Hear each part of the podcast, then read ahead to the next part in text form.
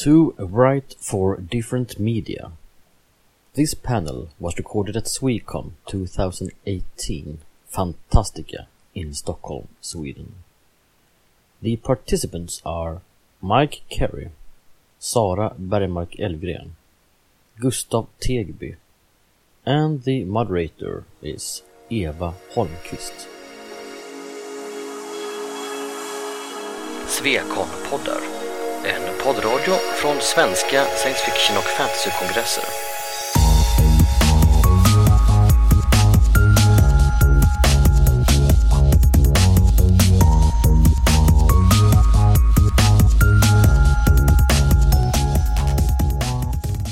This panel will be about to write for different medias, uh, subject I'm really interested in.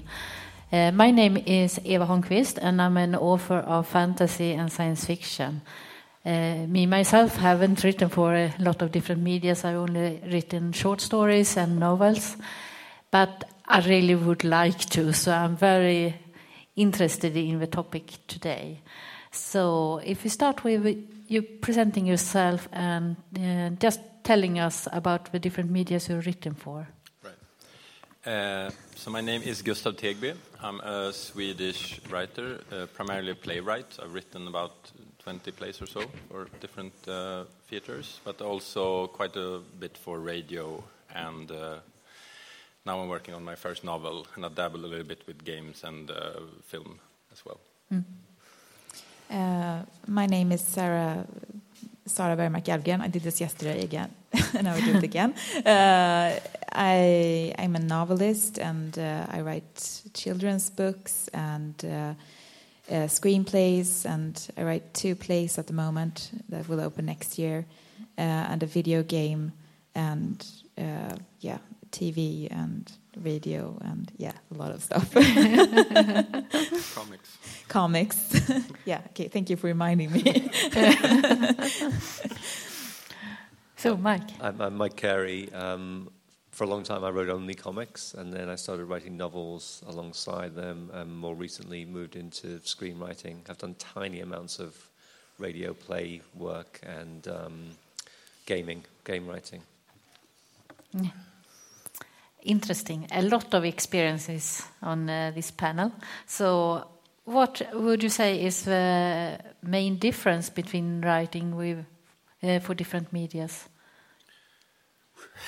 Start with easy one. Uh, yeah. Huge, huge, huge question. question. Yeah. Yeah. yeah. No, I mean, yeah. It's very. I think it's difficult to sort of say specifically, but perhaps I mean some. Of, I think some of the largest sort of general differences is I think how collaborative it is mm-hmm. sort of, or is what you're writing sort of a blue? Is it a blueprint, like for example, a theater play is, or a screenplay, mm. or is it sort of a finished piece of art in itself, like mm-hmm. for example a novel?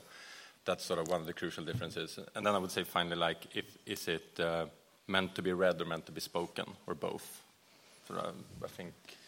And, are, uh, and, does it include pictures? Yeah. for example, writing for comics is, of course, different than writing a novel because you can tell the story uh, in in uh, with text and with uh, pictures. So I think it's uh, a lot. It has a lot to do with how much uh, how you give information to the reader. For example, yeah. when I wrote for radio, uh, I wrote. Um, like a pod series called uh, Voices of the Dead, the, the De Dödas Röster, that we actually presented here for the first time, and Gustav was one of the episode writers. Mm. And one thing that I and I think we noticed quite early on is that with radio, you can't expect the listener to have too much information in their head at the same time. So you have to constantly remind them about where we are in the story and uh, who the characters are. And uh, for example, we, we realize that we have to really focus. Like in this episode, we deal with the uh, it's about a murder, like who who uh, who who was the presumed killer and what the police think uh, were his motives and. Mm and then if you go back to a thread you have to like remind the listener. It's not like a tv show when you can keep all these things in your head at the same time. And i think mm. it has to do because it's just listening. You don't have any images so you just have this source of information. Mm. usually you might be doing something else while you're listening also. That too. I, I, I like the metaphor. I, totally agree. I, I, like the metaphor of, of um, each medium as a toolbox for storytelling and you will not find the same tools mm. um, in, in the box every time. Um, chris golden there's an American novelist and short story writer says that um, there's that there are certain things that uh, a medium will do brilliantly, and other things that it will do that will go against the grain, and it will do have to do in more effortful ways. So a novel can give you the interior life of a whole group of characters brilliantly and effortlessly. It's harder to do that in other media. A movie or a TV show um, is great at immersive, uh, like sort of pulling you into a world and bringing that world to life for you. Um, I think you have to. That's why you have to relearn storytelling skills when you move from one medium to another. There are some things that just don't translate across. What is theatre good for in this theory? I've never Nothing. written for theatre, so so I, I, think, I think what the thing about theatre is because it's a live performance and therefore it's different each time. There's a sense of an, uh, uh, like of sharing an experience with the audience, of of the performers and the audience being part of something that's happening once and is then never going to happen again.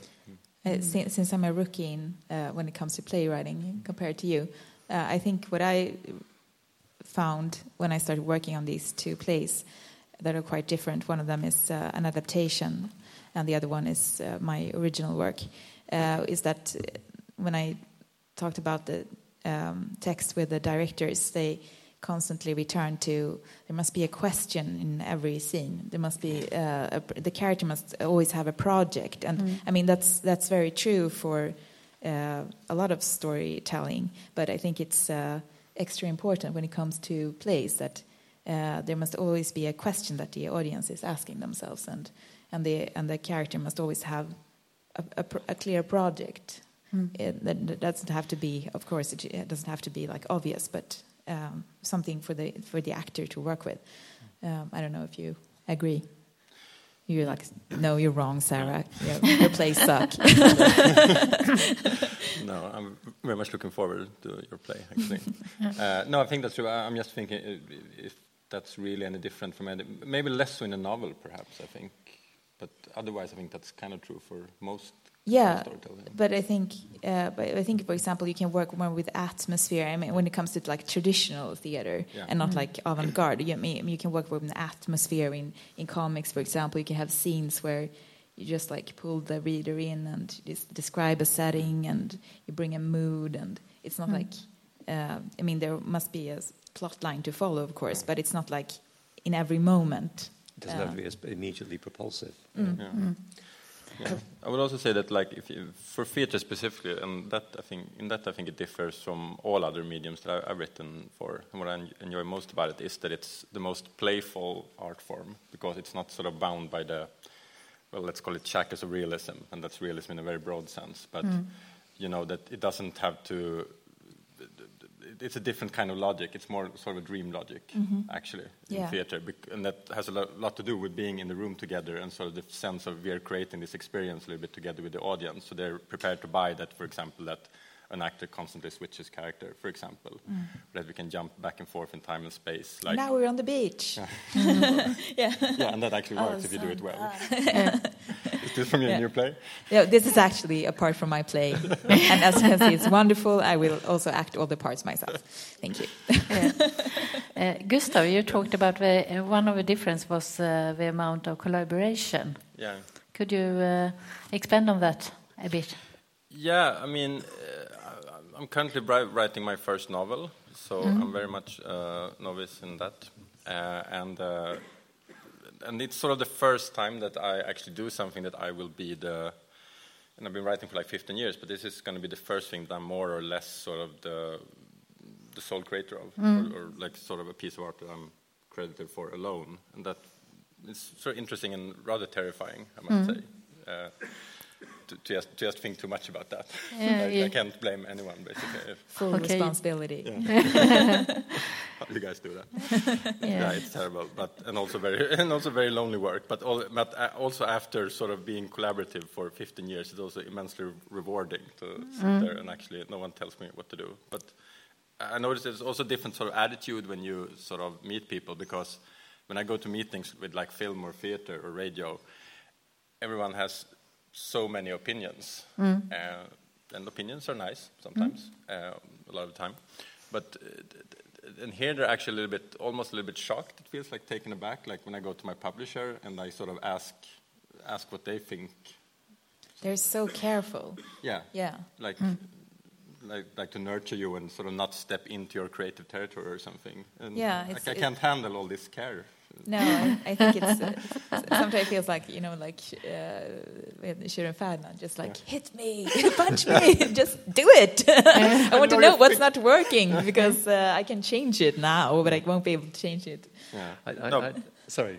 no, I was just going to say that they, they tell you, like, yeah, you should just do your thing. And a lot of people tell you that all the time, but they actually seem to mean it so far. Uh, It's because I actually true, as, far as I can tell. Ask me again in a year. Because I started out in comics, I'd gotten used to having a, a high level of oversight and mm-hmm. submitting the work in progress to an editor at every stage and getting mm-hmm. input at every stage. And you know, you say to a book publisher or a book editor, sorry, would you like to see the work in progress or would you like to see a plan? Mm-hmm. They'll largely sort of feel, you know, no, no, just just just go off and give us a fi- give us a finished hmm. work in ten months' time. Is it something that you miss when you're writing novels that you don't get that constant feedback from our people? I, I think um, there's, a, there's a character in Shawshank Redemption. Um, it's played by Morgan Freeman in the movie, um, and he finds after like spending 20 years in prison, when he comes out, he still needs to ask permission to go to the bathroom. He, he can't he can't actually sort of go, go and have a pee without um, without asking. I'm kind of like that. I, I I like to have someone looking over my shoulder all the time. I um, I use a lot of like beta readers when I when I work on my novels, and uh, Mats and I did that too when we wrote the Engelsfors trilogy. Uh, but uh, up to a certain point, I only allow a couple of people to read because I, I kind of need my own process in the beginning, and then that's my uh, my publisher, my agent, my husband, and my mother, and sometimes someone else. And then uh, I, I also bring Mats in at a later point, and uh, it's very interesting because we work together so much for so many years and so inten- intensely. So. Uh, when he, he sometimes he just asks me a question and it's like it's like Pavlov's bell, you know. It's like ding ding ding ding, and it's like oh yeah yeah this things just happen in my brain when he, when sometimes when he just makes a casual comment or something, and uh, so that's pretty fascinating. Um, but I think it's uh, I think actually the book publishing world it wouldn't hurt if they were a bit more involved in the process. I mean, I get that because they ask for it, but I think uh, what I hear from many writers, at least in Sweden, is that they sometimes feel a bit lost. That they would like their editor to and publisher to just give them more suggestions and help them with the with the plot or the characters. And um, so, I think, uh, yeah, it, it wouldn't hurt. No. Uh, do you think it's a strength that you have worked in with different medias, or doesn't it matter? So if it's strength or if it's strange? Uh, it's a strength. It's just, yeah, Oh. right. Yeah. Strange or strength? I don't know.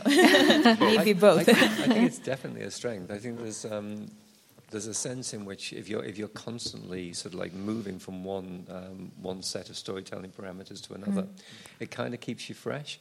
I, I, there's there's a, there's a, a, a thing that can happen to writers, and I'm terrified of it happening to me. It may have already happened to me because I, th- I think that the writer is the last person to know about it, and it's this thing where you end up just telling the same story again and again.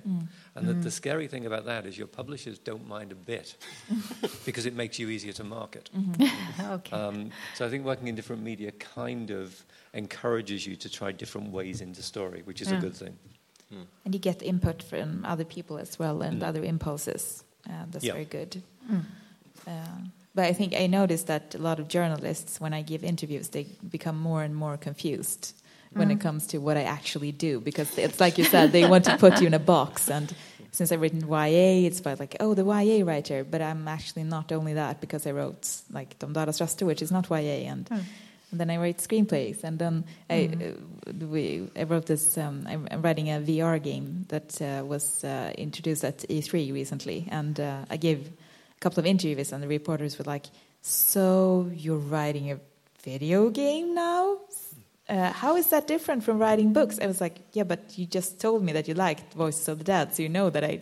Oh, not only write books, but you still ask me this question because it's just like, ah, this is so confusing. So I have to find a word, like a box they can put me in. So Yeah. Renaissance person, Yeah, but does that mean I'm going to die from the plague?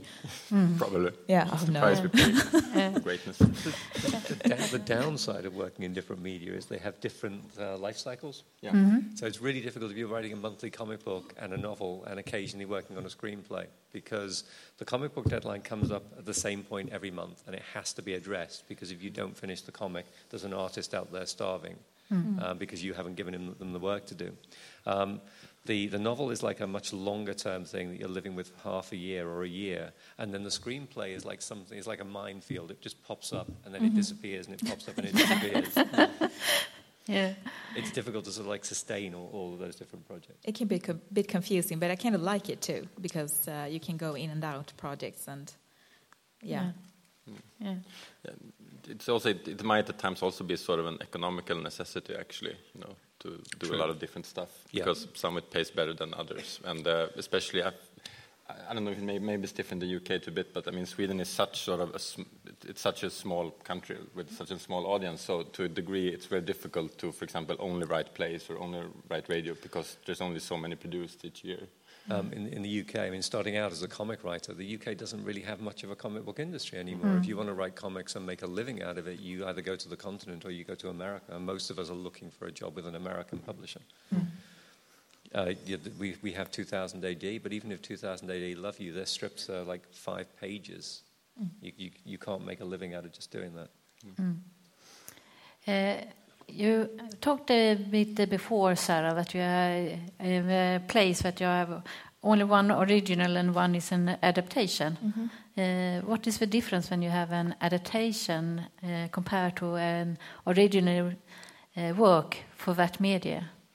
Um, I think Gustav probably knows a lot more about this, but uh, and it depends on what it is. I mean, I adapted Mats's and uh, my first book, The Circle, for as for a screenplay with the director of that movie as well, um, and that was a very different process. Um, I think in this uh, in this case, it's a short story. I can't tell you what it is, so that's why I'm so big. Uh, it's a short story, and uh, so I had to make a lot of things up because uh, it was too short. And uh, uh, what I did was also read a lot of um, other text from that writer. Um, so I kind of immerse myself in that writer's work just to find inspiration for how to tell the story. And uh, but um, I mean, you can do you can do adaptations in so many different ways. But I guess you have to find your own truth, what the story is about for you when you do an adaptation, and what's like the most vital thing or things uh, that you want to bring from one medium to the other. And then you may have to tell those things in different ways because they're different medium. And uh, but I think that's you can't expect to like if the original work, if it's a book, for example, it's like a cake, then you have to like a, cut cut a piece of that cake. Uh, because it, if you do it the right way, it contains all the layers of the cake, and then if you move it like very carefully to the plate, you'll have a nice piece of cake. uh, but uh, yeah, things can go wrong too. But I think short stories are probably the, in my experience, that's like the best thing to adapt, if anything, because I mean, then, then hopefully you have a great story, but then you can instead of like when you adapt a novel, like 90% of the work is just cutting away stuff you love. If it's Yeah. a good novel, it can be really frustrating. But with the short story, you can instead you have sort of the, the basic structure, and then you can add a lot, and also sort of make it your own, and it's not really your fault because it has to be longer. so you have no choice. So I, I've done a fair amount of uh, adapting prose fiction into comic form. Um, I adapted Neil Gaiman's Neverwhere, um, Orson Scott Card's Ender's Shadow, um, and in that you're not sort of like trying to pour um, an ocean into a into a pint pot or whatever because you're taking from one long form medium into another long form medium. Yeah. But I think it's a, it's a, it, it scratches a different itch for me creatively. I love adapting stuff because you kind of have to, I think it's part of what you were saying, Sarah, that you, you have to sort of like strip it down to the essentials. You have to figure out what's the core of that story and how do I carry that core across into another medium and make it work in a, you know, with, with a different set of tools. Um, It was wonderful working on Neverwhere because you sort of, you're, you're getting inside another writer's head and you're thinking, you know, God, God, that works so well. That's such a clever trick. I'm going to steal it. but, it, but in the meantime, how do I how do I translate it? How do I how do I sort of take it into a comic? Do you get to know the work better when you are trying to adapt it? Uh, uh, when you're not just reading it as a reader. Yeah. Yeah, I, th- I think so. With this short story I'm adapting, I've re- read it and reread it so many times, and I constantly find new things. Mm. It's very, uh, it's very interesting process. Mm. It's a bit of a mixed blessing for me, I think, because it's for me at least. It's also kind of easy to get a little bit lost in it because, especially if you adapt something you really like a lot or love a lot, that mm. I can sort of end up in a place where I'm mostly interested in stuff that's not going to be sort of that relevant when you meet it for the first time as the audience will. Sort of, it's great geeky fun for me, but you, you know, it can be. I can become a little bit introvert in that process. so it's really balance. Well, when I was um, working on the screenplay for Girl with All the Gifts, so adapted my own work into another medium, um, I got really frustrated because there were certain things that I wanted to keep and I couldn't, and there were really good reasons why I couldn't. So there's um, so in, in Girl with All the Gifts, the, our zombies, our hungries, are um, infected with a, a fungus, Ophiocordyceps, which is a real fungus. And I kept trying to put in this piece of film from the David Attenborough documentary, which shows ants being infected with the fungus, because it's a, it's a great way to sort of handle the exposition, because you see what it does to them. Um, and the director kept saying, "Yeah, but it looks like exposition. Wherever you put it, it looks like the, sc- the, the, the screenwriter leaning in and saying, "You need to know this." Um, and he would, just wouldn't let me do it. and in the end, it fell off the edge of the film. It didn't happen. Uh, but how did you manage to explain uh, original for the Hungries? So we uh, we had a scene. We inserted a scene when when uh, when uh, they get to this abandoned hospital. There's a scene where the mad scientist, called well, mad's the wrong word, but the sort of um, morally questionable scientist is left alone with the protagonist Melanie, and Melanie turns to her and says, "What am I, Dr. Caldwell? What am I?" So you, what you have is the expert telling in baby language, telling the uh, the child, "Okay, this is." This is what's happening to you. Let me show a little movie here. Sorry? Of an ant. Let me show a little movie. Glad you asked. I prepared something actually. Uh, you talked about comics before, and uh, one thing that I think is very interesting is that it actually two creators uh, writing, uh, collab- collaborating to make something. So, how does it work when you are writing a comic with a, uh, if you don't write the com- uh, you're not the illustrator, you work with an illustrator. Do you want to talk about they? I think you can start, actually. um, I, th- I think it, it varies a lot. I think it depends on who your collaborators are. So when, I- when I start out with an artist, I tend to um, obsess and over-specify, and I write very, very full scripts until I find out what the, the artist's work is like, and then we ease our way into. Uh, there's a, lo- a lot of conversation. There's a lot of um, email chains where the artist is asking for clarification on a point, and then there's page roughs come in, and pencils come in, and inks come in, and through that process, you get a sense of how the artist works and what, how their strengths and weaknesses interact with your strengths and weaknesses. And eventually you get a, a modus vivendi and you write in a more telegraphic way because you know, you know more or less what the artist is going to do with the information you give them. So I always sort of like um, start with mu- what must be very, very annoying micromanagement of the artist and then sort of ease up progressively as I go on. But nearly always, what you get back from the artist is better than what you give. Artists, who knew this? Artists have better visual imaginations than writers do. Um, Strange. I don't understand that. so, so, you, so you'll give them some hints for world building, and then you'll get back a world. It's like, oh my God, it's almost always a wonderful moment when that happens. A few times when it's been disappointing, stick in your mind, but generally, it's great. It's a really rewarding and, and exciting thing. Um, I, I worked with uh, four uh, artists in comics and one in, in children's books. And uh, for me, I haven't been in the same kind of like uh, processes uh, as Mike uh, because I like uh, worked very closely with them, and we're also friends. Uh, so we, we've had this constant going back and forth process. So when we work on Vei, for example, Karl, Karl Johnsson and I, um, it, I mean, how that comic came to be is such a long story, but basically what we do is we we plan the layouts of the pages together, and then he uh, he sketches them, and then I give my feedback, and then he inks them, and then I give my feedback, and then it goes like that back and forth.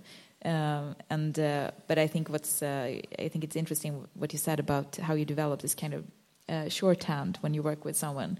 It's like almost you know that oh he's gonna love this, and it, you, it's like you send little love letters letters to the person you're collaborating with, with if it's a director or if it's a, um, an artist or a co-writer. It's like you think of it, as oh yes, this is a perfect gift for. Uh, he's gonna enjoy enjoy this so much, uh, and uh, I think that's part of the thrill of uh, working together. Yeah, it does become more personal as you go on. That's definitely true. Yeah.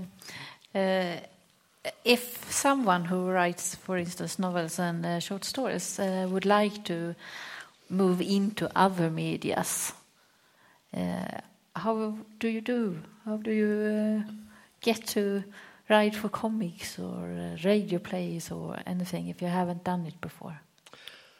Um, I can talk about that in relation to the American market as, as somebody who sort of broke in from, from, from outside. Um, I, I, I was fortunate in my timing because there were three absolutely great British writers who all broke the scene at roughly the same time in the early 80s Alan Moore, Neil Gaiman, and Grant Morrison. There was a time when American editors thought there was a whole island full of Alan Moores, um, and they would come over with a net.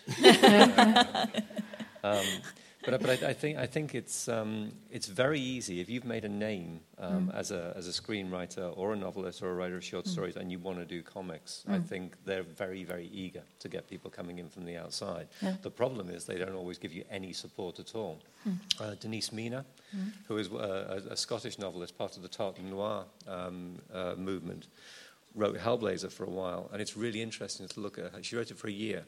And if you look at her script, you can see that when she comes in, she doesn't know how a comic script works because nobody has shown her oh. a comic script. So she writes in a sort of very sort of um, st- strangely staccato way, where each panel is a is almost like a freeze frame. Um, and then she gets it, and she becomes much much better. But mm. it's clear that she could have started. Um, she could have hit the ground running if somebody had like talked her through. Mm the differences. But it's, it's, it's, easy to break in if you've got a name, if you've got a corpus of, um, of work that you can, that you can show them. Mm. In the same way that Hollywood is aggressively buying intellectual property from other media mm. because they're in, so insecure that they need to sort of point to something real that already yeah. exists. Mm. Yeah, that's a bit of a plague also in, I mean, especially Swedish theatre, I think, if you want to write to that, that almost so much is adapted now mm. because mm. and, and, goes for movies as well, I guess, mm-hmm. to a large degree. But even yeah. more so, I think, in theater, and everything has to come from somewhere else. Sort of. So finally, yeah. there's nothing else to come from, so to speak, mm-hmm. because everyone is adapting in big An vicious circle. circle. Yeah.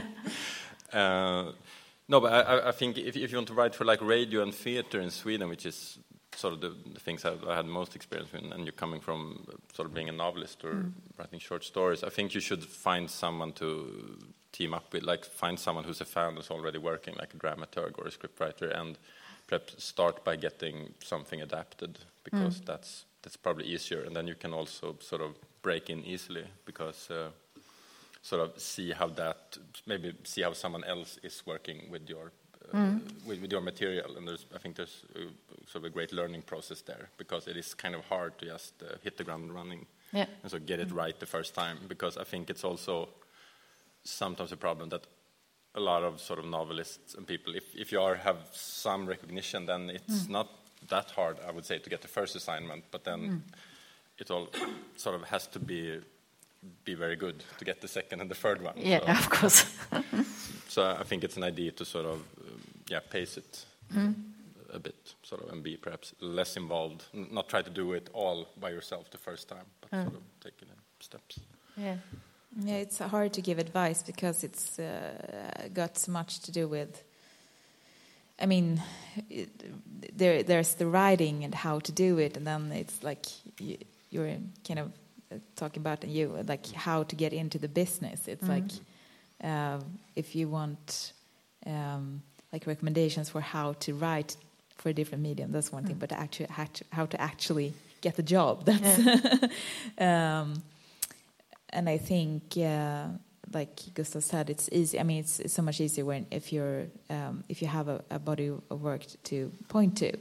Uh, if you are like a rookie and, an unknown writer, it's almost impossible, I would say, to uh, like get in touch with Swedish radio, for example, and say, "Hey, I got a great idea for a series," or because the problem is that you may have a great idea, but they don't know if you can actually write, Mm. and um, that's uh, that's how it is, and uh, uh, you just have to, I think, find uh, your way into at least one business, and then it's easier to branch out, and also pay and also pay in mind with that what you've learned from writing for one medium is it's val- valuable because it's it's all storytelling, and there's definitely what I think is most like comparable to writing for different media is that you learn to trust in the process and you learn to trust that what you think you know in the beginning is not what you will know in the end of the process Yeah. that you have to keep an open mind throughout the whole Yeah. process and rewrite and rewrite and rewrite and you do that in all it doesn't matter if you write for comics or movies or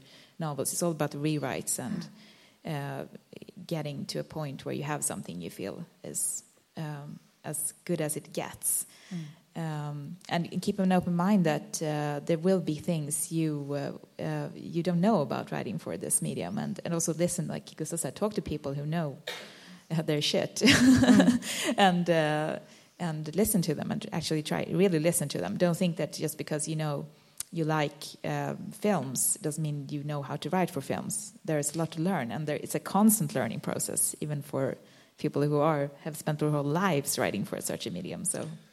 The, Yeah. the other thing I would say is that like, it, it may seem too obvious to need Mm. saying is that you can't write in a medium for which you are not a consumer. Mm. If you're if you're not a fan, if you don't read comics, you can't write comics because you'll just be completely illiterate Mm. in terms of how the the medium works. Yes, it's very true. I think I think I've learned so much just from thinking about what I like and why what I don't like when I read comics or when I watch a TV show or, or play a video game, and it's so important. I mean. Um, uh, never think that you can just like not read books and write a book because it's a really bad idea, and uh, you're making it very much harder for yourself. Yeah, Uh, that's actually more common than you would think when it comes to theater. Like a lot of people who do theater, like claim to at least to sort of never see theater. Right? I'm, I'm not really into theater. Uh, then Yeah. don't- So strange. Yeah, Yeah. Why should you do it then? yeah. I think I think a lot of them are lying actually, but uh, yeah. But, but but if you don't love it, don't do it. And, and of course, it's a two-stage process. So you start by loving the medium, and then you start, then you move on to sort of looking at how other people have used the medium. So reading comic scripts or reading screenplays, which are massively available online. There are huge archives of these things, and it's a revelation when you realise that there are different ways of approaching a comic script. That there are you know, different writers have have sort of developed different set different kind of languages for it. Yeah. Uh, I see that we have 10 minutes left. If uh, there is someone in uh, the audience that want to pose a question. Yeah, do we have a microphone anyway? Do we have a goofer here? I, I can Wait a moment. try to speak louder. No, uh, you don't get that one. I think you can uh, turn on uh, the microphone. That's, Or maybe use mine and we can share. I think. I think that's one uh, is uh, movable. So, Hello, hello. Yes. Yeah, so you take that one. which one? There. Uh, you have spoken very, quite a lot about how uh, collaboration and uh, production companies and uh, editors are helpful. Do you have any bad experiences where uh, production companies or editors have gone in and tried to take away things? production companies and editors are very, very different, Different things. Whole, they're different, different uh, animals altogether. Um, f- film, sorry, you finish, finish your thoughts. no, please. Um, so film, films and TV programs are some of the most expensive forms of storytelling that the human race has ever devised. And as a side effect of that, there are a whole lot of people who are going to have an opinion on your work because they're giving money to it, rather than because they understand anything about what you're trying to do. Um, I can't name names on this, but um, our, um, our main actor on Girl with All the Gifts was a, a beginner, Sennia Nanua. She was only 12 years old when we started uh, principal photography. and she is um, a, a young woman of colour. We had input from one of our production partners that said we don't want this girl to help to have that role. We don't trust her. We don't think she can handle it. And we felt that there was a racist undercurrent mm. to that, and we had to basically um, take refuge behind the BFI, who were another production partner, and get them to fight for us because they've got a public commitment to diversity. Mm. Mm. Yes, it's. Um, um, I think uh, if you if if you're looking for like a, a, situation where you get comments and input from people like editors or uh, producers or a director, I think it's very important to keep in mind. Just try not to get defensive and listen, because even if they say what if what they say is immensely stupid, not racist though. I think it's when it comes to racism, sex, sexism, and uh, uh, things like that. Of course, yeah, sure, get mad. Uh, but uh, when it, if they have like a really stupid comment, like uh, why uh, why sh she shouldn't have a dog, she should have a hamster. like what? and just like okay, just um, write it down and think about it because sometimes I find that people can they can put their finger on things that actually don't work, but their solution is really bad. The suggested solution is really bad, but you just listen. Maybe she shouldn't have a pet at all. Maybe that's the solution. Okay, this is a really weird example, but maybe it should be a hamster dog hybrid. Yeah, uh, oh, yes, or hi, exactly. Let's meet in the middle. Wonderful. that's the solution. Yeah.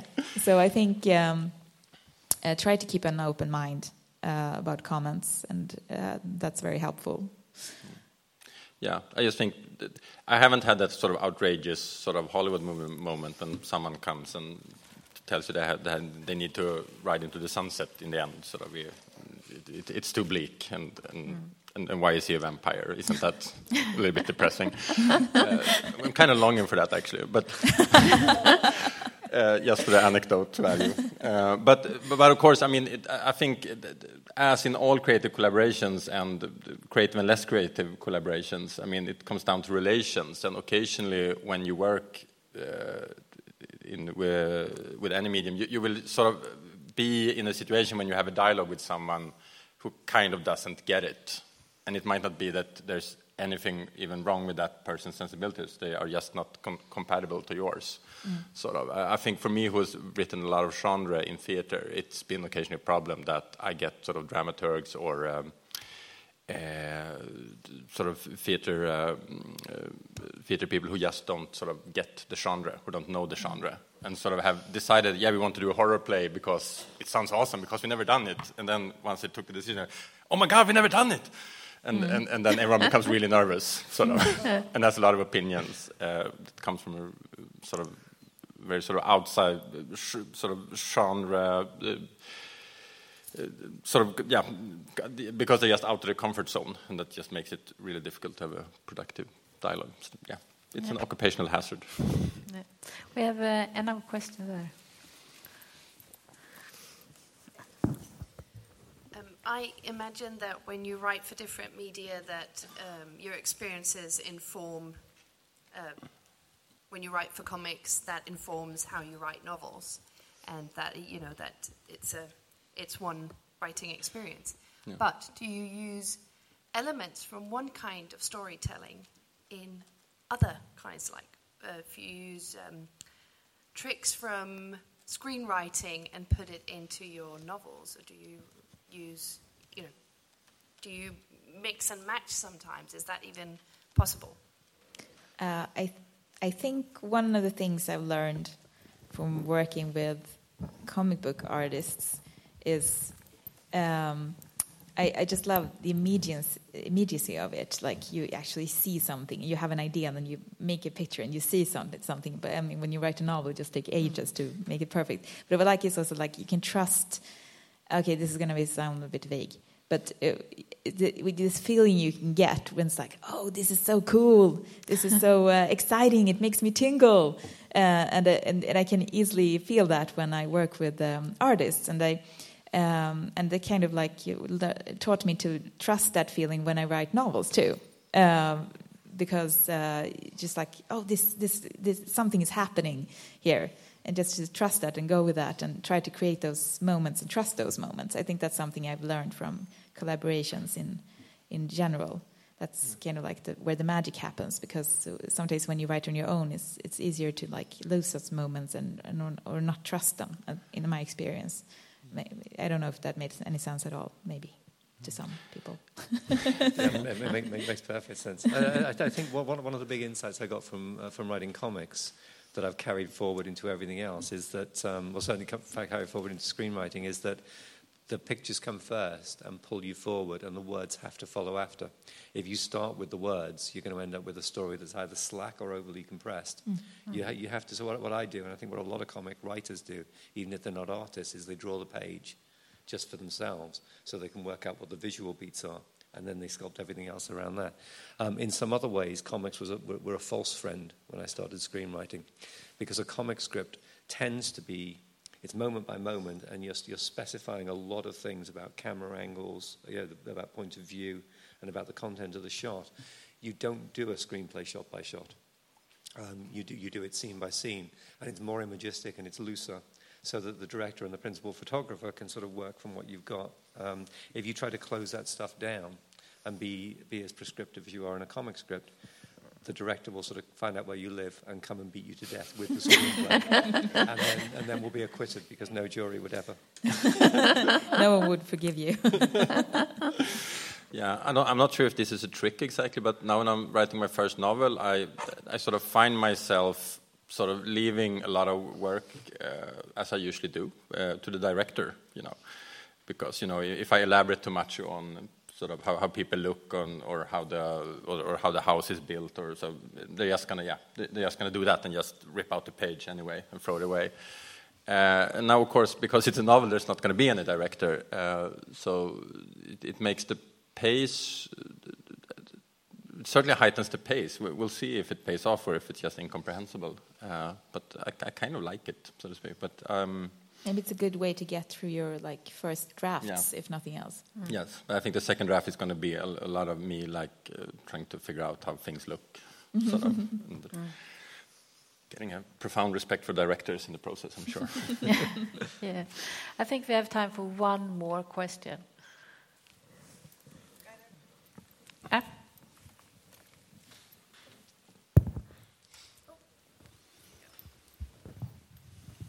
Uh, I, I, I know that you, Sara, knows Karl very well now, since you're friends when you're doing Vei, but uh, I wonder anyway about uh, comic book scripts, uh, like uh, when you started out writing for comics, and you, Mike, uh, about comics to write scripts. do, you write, do you like to write very detailed scripts, or do you want to leave something and then put it forth and back between you and the artist? what, what do you prefer? Um, uh, I, I think uh, we, I wrote uh, I wrote scripts for Kim Kim W Andersson for Love Hurts when we had that collaboration on one of his stories, but I left very much to him. Actually, we had talked about it beforehand and what we kind of envisioned. Uh, and then I kind of let him surprise me, and then I changed some dialogue and stuff after that um, when when Karl and I work together, it's uh, just this weird uh, organic process. There is no script to Vei actually. Uh, it's kind of like yeah, it's weird. Uh, there is one that I wrote afterwards for the translation, uh, but uh, yeah, it's it's not. I wouldn't recommend anyone working like that, but it worked for us. Uh, famously, when uh, when Stan Lee set up Marvel Comics, um, he, his idea of scripting was to write like a like a half a page summary of the plot of a comic, and then give it to Ditko or to Kirby, and they would go away and produce 17 pages of art, and then Stan would dialogue from the art. Mm. Um, I'm far too much of a control freak to allow anything like that to happen on my watch. But, but it, it, it's a hard lesson to learn that if you specify everything, you specify nothing. If you're describing everything that's in the frame, the artist is clueless as to which of those things matter and which don't. So you learn to sort of to write in a kind of signal flurry way. Mm. You know, so there's got to be a box in the corner of the room because there's something inside the box that's going to be discovered later then you'll sort of you'll underline that. If you think that there's a moment on the page that's going to be the key to everything else, then you'll underline that and say build around that panel, mm. make this the key panel. Um, so I think you become you, you, definitely become sort of looser and more flexible as you go because otherwise you know, you're not going to get the best out of the artist if you're tying the artist's hands behind their back. It, it's, it's not going to be a, it's not going to have a sort of a good organic feel to it. And I think that actually goes for like so many professions in like the artistic world. Uh, I was talking to a director and an actor the other day, uh, a very famous Swedish actor, and he said something along the lines of that. That I mean, in the beginning, you you were such a control freak, and you have to prove that you're worthy of being there. And I think that's a very natural impulse mm. because um, uh, you have all these self doubts when you're starting out. Uh, most people do. Uh, but then as you long, go, go, along, you learn to trust the process, you learn to ask questions. It's okay not to know everything or pretend to know everything from the beginning. Um, I think that's uh, valuable lesson. Yeah, and I, think uh, if I'm to give one advice, actually, I think that's very true. If I'm to, I'm to, give one advice, or sort of how to sort of submit a theater script or a theater play and make it sort of look professional, or like just cut down on your stage directions. Like, mm, yeah no matter how much of little, it's probably should be less. So for exactly the same reason, because I think that's that that's what sort of like just highlight what's really important because that's the only way you're going to make anyone actually care about following them if you're really spare sparse when you use them. Uh, someone told me going in, yeah, the, the, the, the note you're going to get most often is too much ink. Mm -hmm. You've just you've specified too much. Yeah. Mm -hmm. yeah. Don't read Harold Pinter plays and think that that's how you write a theater play with all the directions he has yeah. in those, because yeah. and that was one of the things I was told early on to like just get rid of all the stage directions. And, and yeah. little enclitics. I used to, for, for, dialogue, I'd always have a little parenthetical saying, you know, sarcastically or angrily. and you, know, you don't do that. If, if, if, the, if, the, dialogue isn't telling the actor that and the director that, then it's not doing its job. Mm -hmm. I think we have uh, passed our time. Yeah. Uh, thank you for being here, and thank you to you, panelists. Thank, thank you. you so thank much. You. Thank you.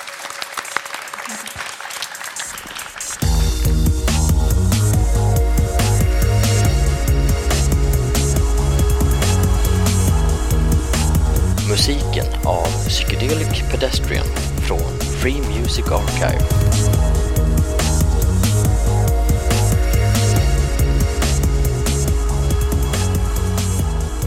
Besök gärna vår hemsida på svekonpoddar.se